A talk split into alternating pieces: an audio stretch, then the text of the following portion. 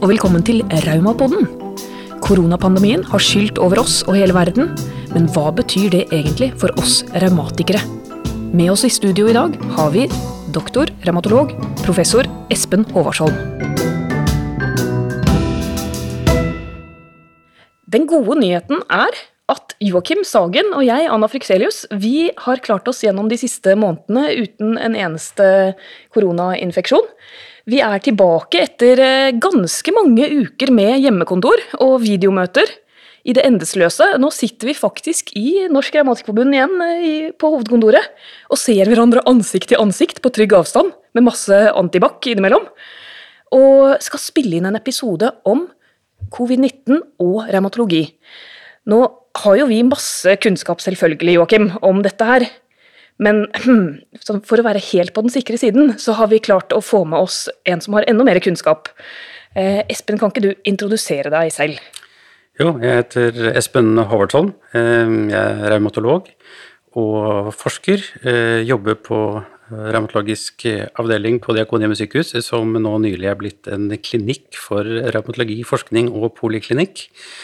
Og i forbindelse med koronaepidemien så fikk jeg en utfordring eh, omtrent da vi ble klar over at dette var noe som kunne komme til Norge.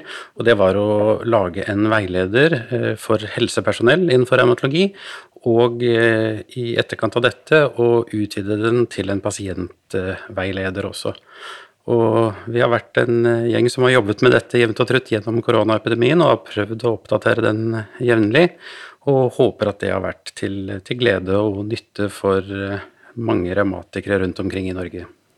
Så kortversjonen er, altså av alle som kan noe om korona og revmatologi, det er Espen som skriver veilederen sammen med fagmiljøet på Diakonhjemmet. Eh, så det han ikke klarer å svare på, det klarer vi ikke svare på. Eller hva tror du, Joakim? Ja, jeg, jeg, må bare si først og fremst bank i bordet på den innledningen. Vi vet jo at koronasituasjonen eh, har blitt mye bedre nå enn den var eh, bare for en måned eller to siden. Men eh, vi får krysse fingrene at det nå ebber ut, at det ikke blir et voldsomt skal jeg si, tilbakefall. Da. Det er så deilig å kjenne at man kan leve litt mer normalt, i hvert fall tilnærmet normalt. Når det gjelder den veilederen, så er vi, vi er veldig glad for den i Norsk Grammatikerforbund, fordi vi har fått veldig mange henvendelser siste tiden av eh, medlemmer som spør oss om ting, og så lurer på og regner med at vi kan det, men vi må henvise oss, videre.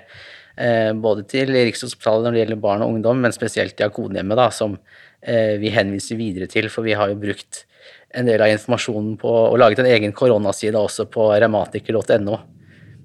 Vi ble jo så redde, alle sammen, og så spole tilbake til mars, liksom.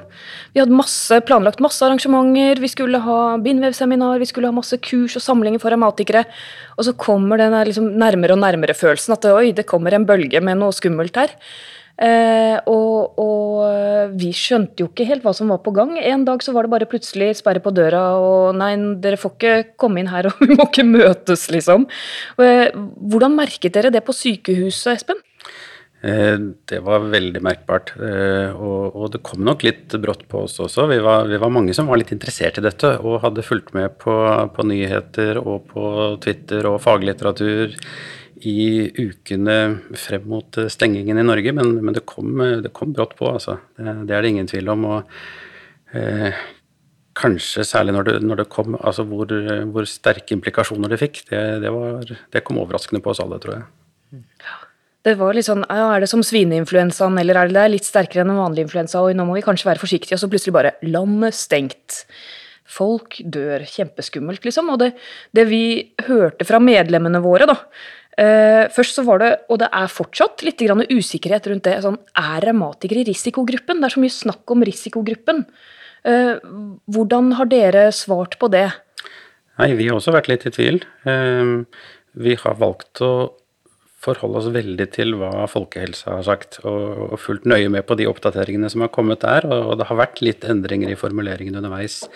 Men eh, det meste meste av tiden, og, og, egentlig helt klart nå på slutten, så, så er ikke eh, revmatisk sykdom eller kanskje mer spesifikt de som tar immundempende medikamenter, de er ikke definert som at de er i risikogruppen per se. Men det er fortsatt et lite men, og det er jo at eh, det står i disse altså informasjon fra folkehelsa at man kan være i mm. risikogruppen.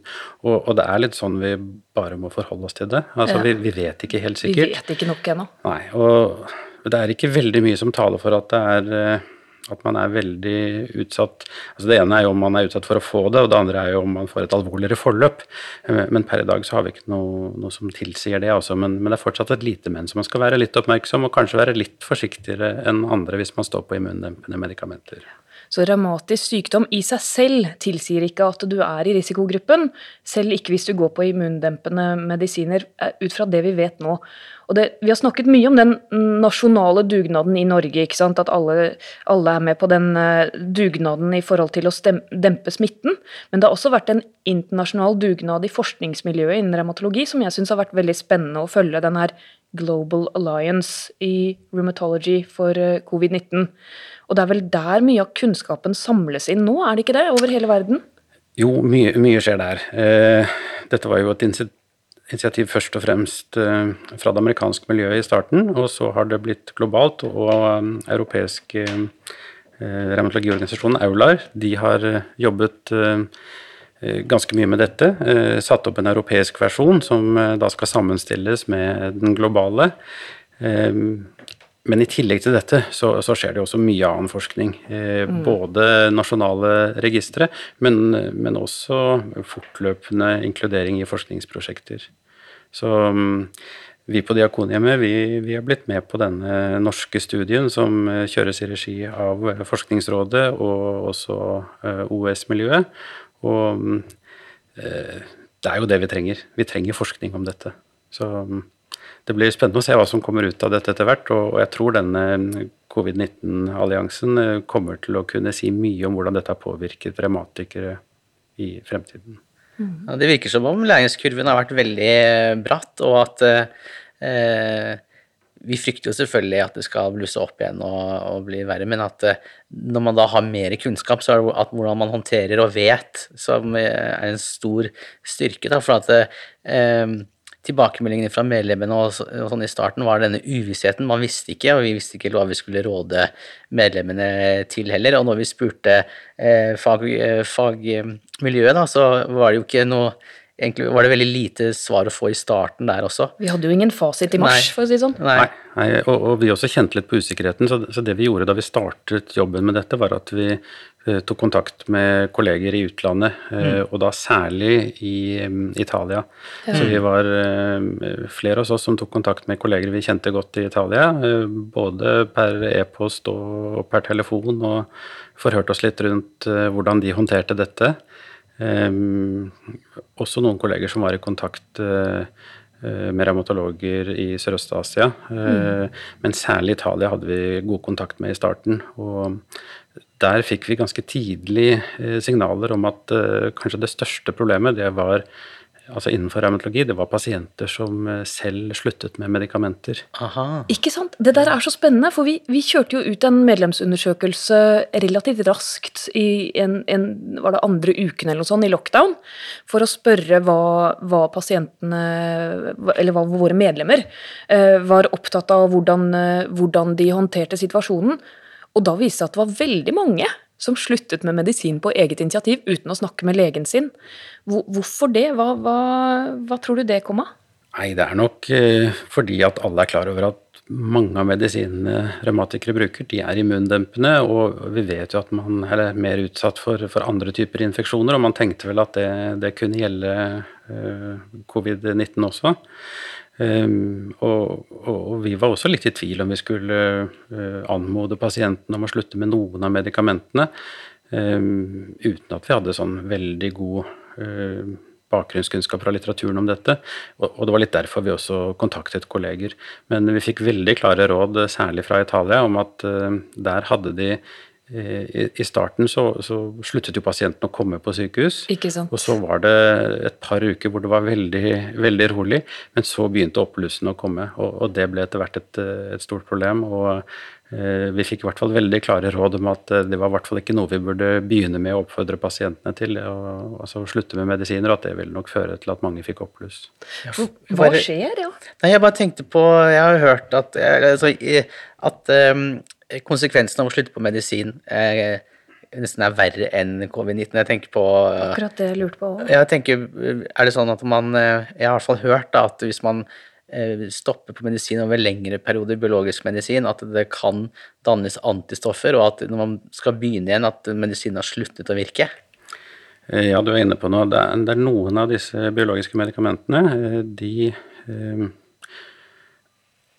skal vi si, Selve medikamentet er et veldig sånn komplekst molekyl, og som eh, immunforsvaret kan eh, utvikle antistoffer mot. Eh, Og det har man sett at innimellom, hvis man tar pause over lengre tid, så, så vil immunforsvaret kunne utvikle antistoffer, og at man da ikke responderer på medisinen når man starter igjen. Det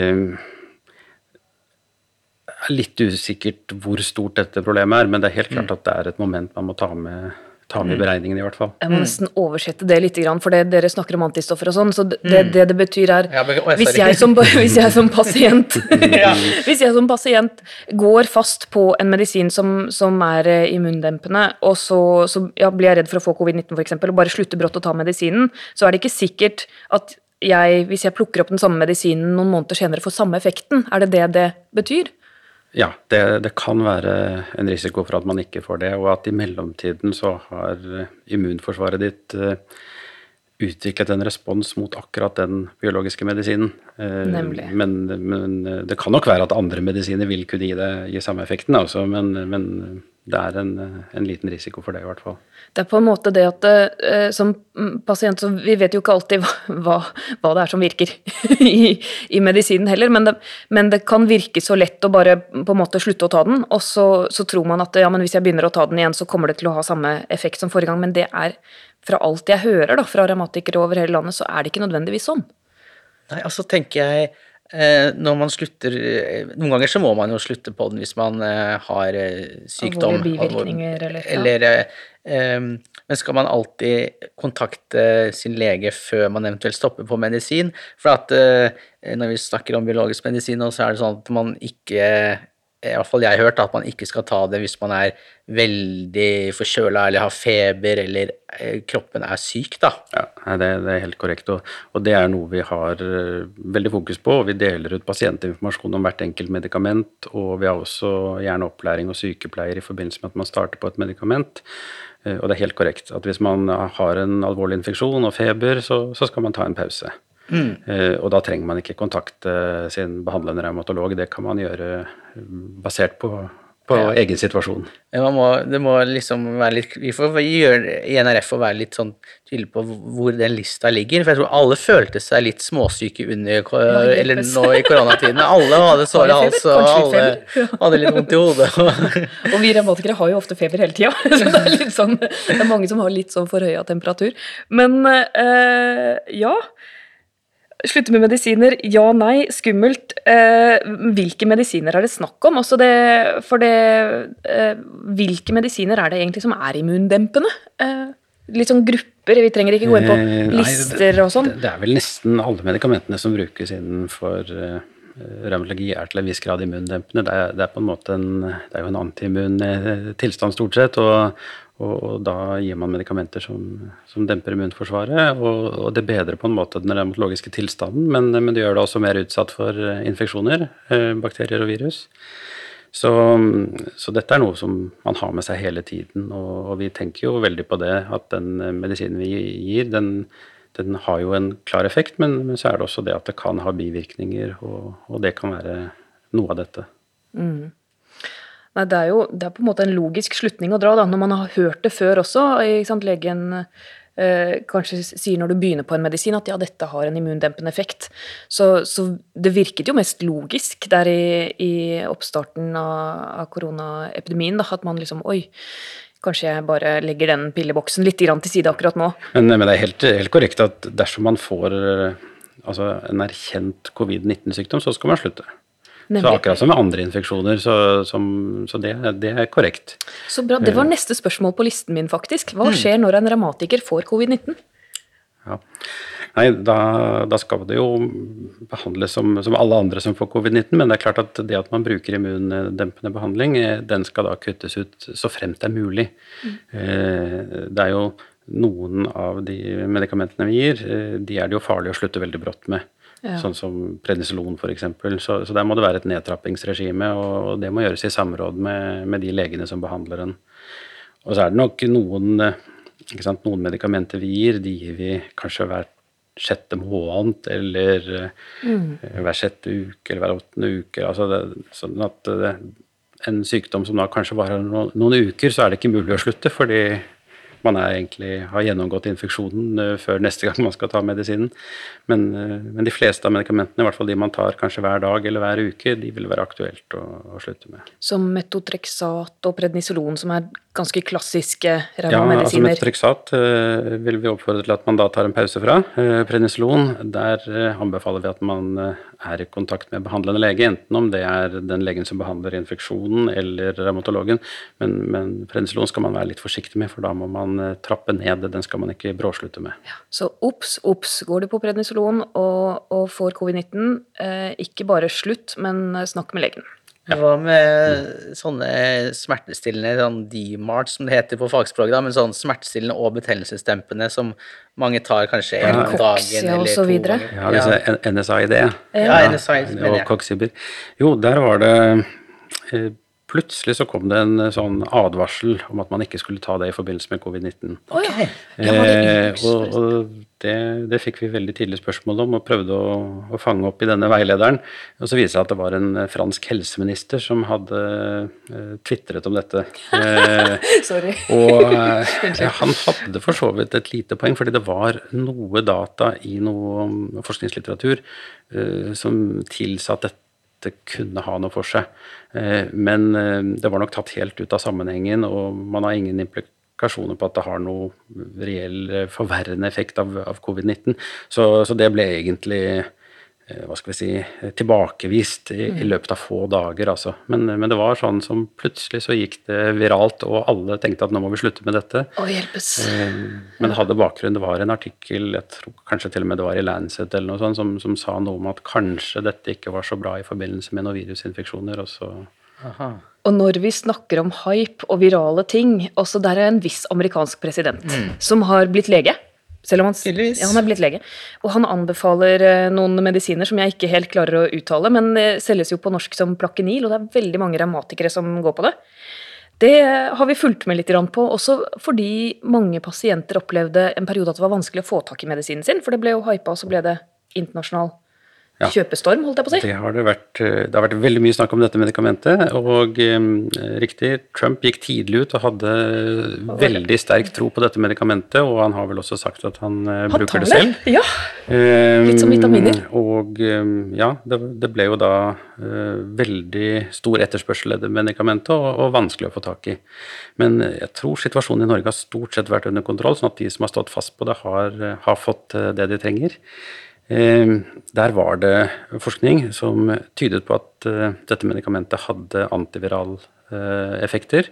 Det kunne Eh, være forebyggende, liksom. ja, eller hindre um, virusreplikasjon. Eh, At viruset formerte seg. Og dette var forskning som var gjort in vitro, så gjort på celler, ikke, ikke kliniske forsøk hos mennesker. Okay. Men, men det var noe data som tilsa at det kanskje kunne ha effekt, og, og såpass mye at det ble satt i gang en, en lang rekke studier. Og eh, denne WHO-studien, som eh, også nå eh, kjører i Norge, Ja. eh, der var det en av armene. Det var denne medisinen. Og der har det skjedd eh, betydelig utvikling egentlig de siste dagene. Har det det? Så mm, for eh, tre-fire dager siden eh, så kom det mm, resultater i, mm, i Lancet fra en fransk studie, og som tydet på at denne medisinen ikke fungerte særlig bra, og heller hadde en negativ effekt. Og det var en såpass stor studie, selv om, selv om det ikke er en randomisert studie, så, så var det såpass uh, overbevisende data om at, uh, sånn at denne studien som nå pågår, der har de fjernet plakenil. Så det er ikke lenger en del av den, uh, den studien. Så der sammenlignet man placebo og to forskjellige medikamenter, hvorav plakenil var en av disse, og, og den er nå fjernet. Så, så pasienter i Norge fremover vil ikke få dette som en del av utprøvende behandling. Spennende. For det, det ble også brukt som en medisin både forebyggende, men også ved aktiv covid-19-infeksjon. Ja, sant? Ja. Eh, Man tenkte både at det kunne ha forebyggende effekt, og at det kunne ha effekt ved påvist covid-19. Ja, Og da var det faktisk ganske mange revmatikere som, eh, som snakket eh, åpent om i grupper at ja, men jeg går jo på Plakenil, så jeg, hvis jeg får det, så kanskje jeg ikke blir så sjuk. Hørte dere også det? Ja da, det var eh, helt klart noe som var aktuelt tema i, i mange konsultasjoner. og eh, Vi prøvde å sette oss litt inn i dette og, og se om vi liksom skulle begynne å, å gi mer av det, og sånn, men, men vi fant ikke overbevisende data. Så vi, vi hadde vel egentlig ikke noen annen anbefaling enn at de som sto på det, skulle fortsette. Og det var ikke sånn at vi anbefalte at man heller skulle velge dette medikamentet fremfor andre medikamenter. Ja, for det var det vel sikkert mange andre som tenkte på.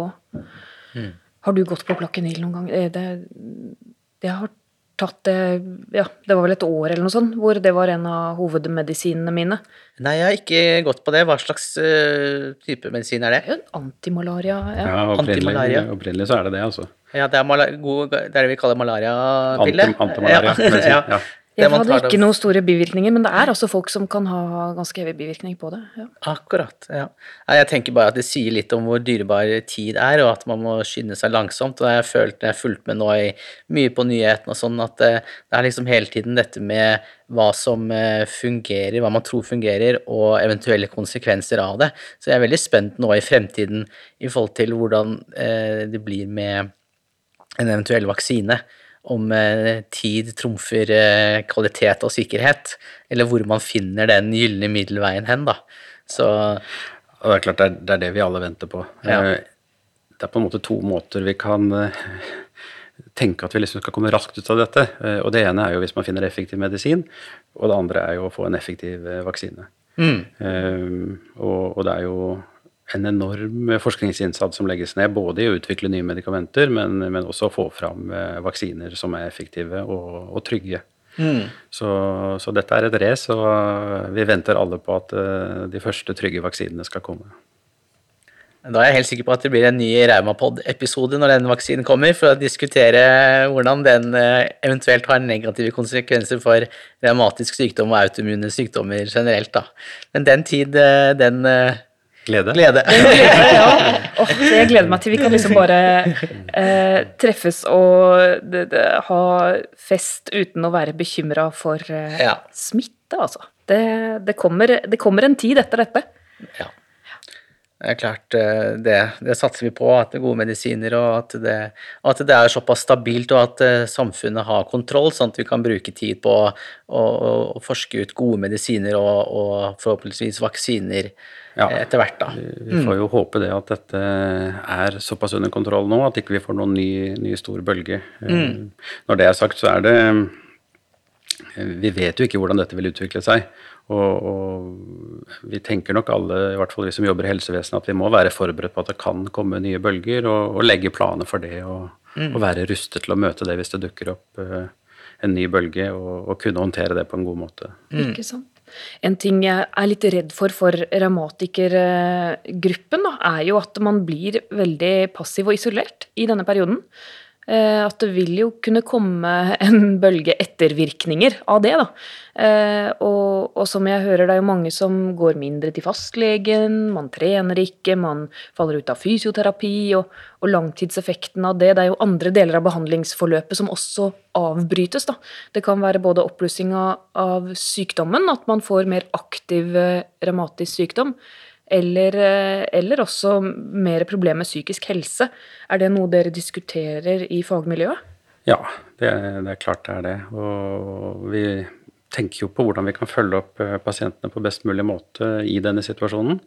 Eh, Vi, vi var allerede i gang med noen planer om å, å sette opp videokonsultasjoner og følge opp pasientene med fjernmonitorering, og at man kunne samle informasjon eh, direkte fra smarttelefoner og nettbrett osv.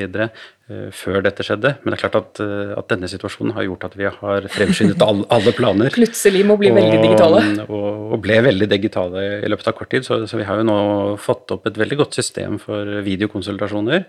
Så bra. Um, og så har vi tenkt at det er jo viktig at de som eh, trenger behandling på sykehus, også får det. Så, så vi har eh, øket egentlig vår kapasitet for øyeblikkelig hjelp-konsultasjoner i denne situasjonen. Så, så, vi har jo helt klart hatt mye færre konsultasjoner av kontroller. Ja. Men når det gjelder øyeblikkelig hjelp-konsultasjoner, så har vi øket kapasiteten.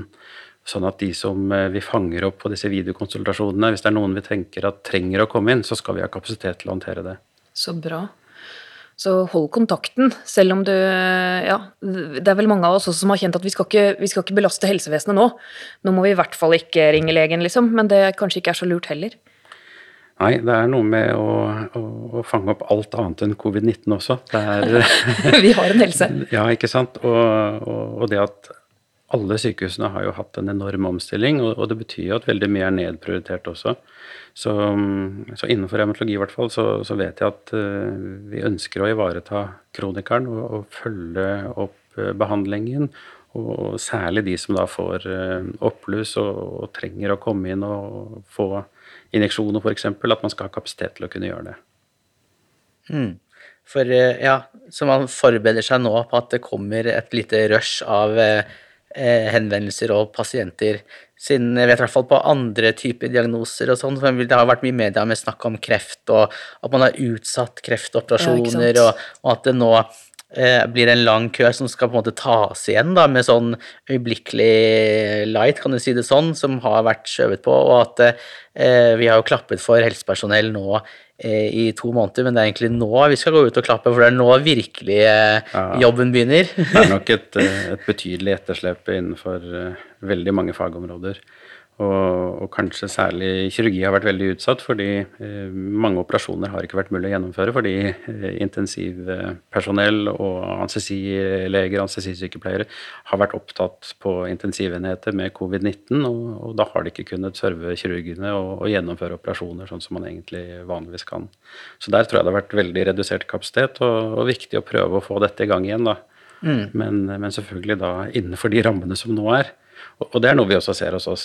Vi kan ikke ha like mange pasienter som vi pleier, fordi lokalene er ikke egnet for det. De kan ikke sitte tett i tett på venterommet. ja. Så ventelistene er noe lenger nå hvis man skal inn til konsultasjon, eller? Ventelistene har ikke blitt så veldig mye lengre, i hvert Nei. fall ikke på, på Diakonhjemmet sykehus, som, som liksom er der jeg har førstehåndskunnskap. Mm. Eh, og det er fordi vi, dette med videokonsultasjoner har fungert veldig fint, og, mm. og man har kunnet ta unna mye kontroller der og at vi samtidig da kunne prioritere de som må komme inn på sykehuset til å gjøre det.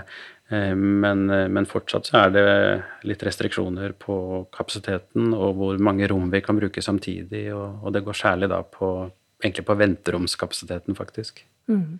Ja, nå ser vi jo i Norge at eh, smittetallet går ned, og det er ikke så mange innlagt og sånn, men vi hører jo at man eh, fortsatt skal ta eh, litt sånn forhåndsregler, og de har én meters avstand, og det er fortsatt litt hjemmekontor.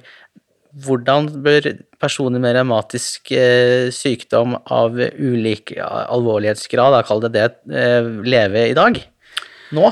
Eh, godt spørsmål. Eh, jeg tror at aller viktigste man kan gjøre, det er å følge med på de offisielle rådene fra folkehelsa. Der er det et svært apparat som følger med på alt som skjer, både nasjonalt og internasjonalt. Og det å være oppdatert på de rådene som kommer der, det tror jeg er det viktigste man kan gjøre. Ja. Og hvis det skjer noe, hvis det kommer ny kunnskap som er spesielt relevant for revmatikere, så kommer selvfølgelig både vi i Revmatikerforbundet og dere på Diakonhjemmet i denne veilederen som, som, vi har snakket om, eh, som ligger på Diakonhjemmets nettside, og vi linker til både fra vår nettside og fra vår Facebook-side. Der kommer den informasjonen så fort den er tilgjengelig noe spesifikt for, for revmatikere. Men generelt så er det FHIs nettsider som er ja, kunnskapskilden. Jeg tror det er, eh, det er, et klart og tydelig råd. Følg med på folkehelsa.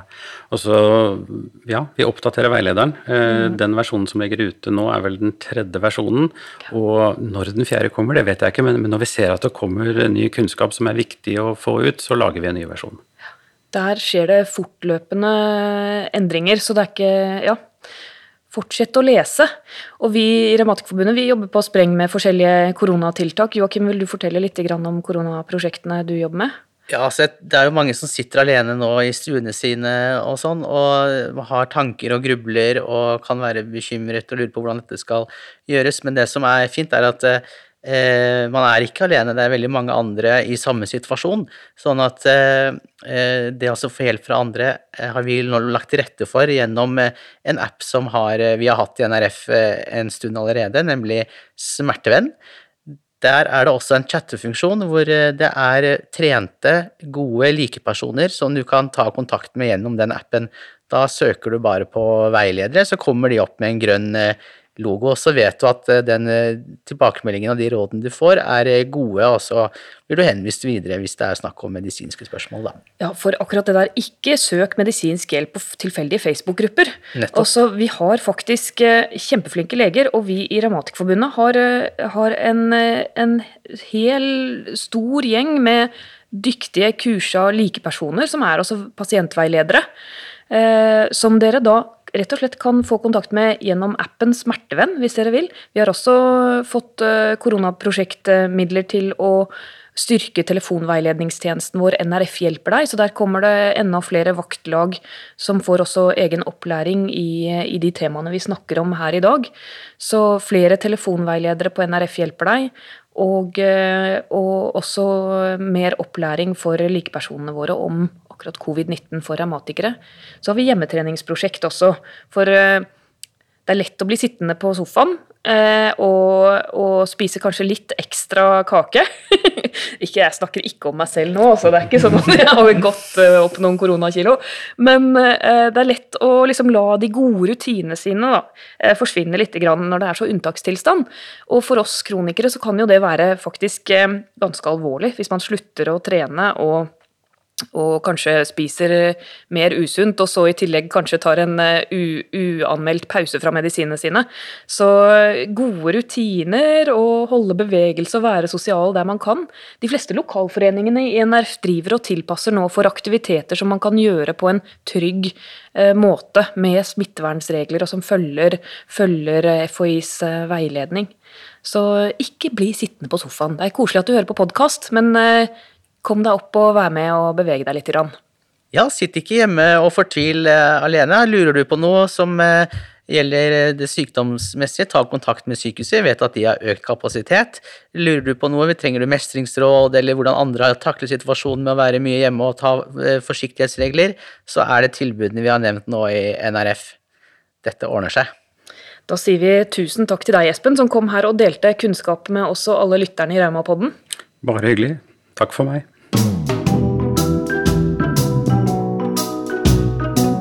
Dag har vi snakket om covid-19 og revmatisk sykdom. Hva vi som revmatikere bør og ikke bør gjøre. Hvis du syns vi hadde bra lydkvalitet, så er det fordi det er Podmaster som har fiksa lyden.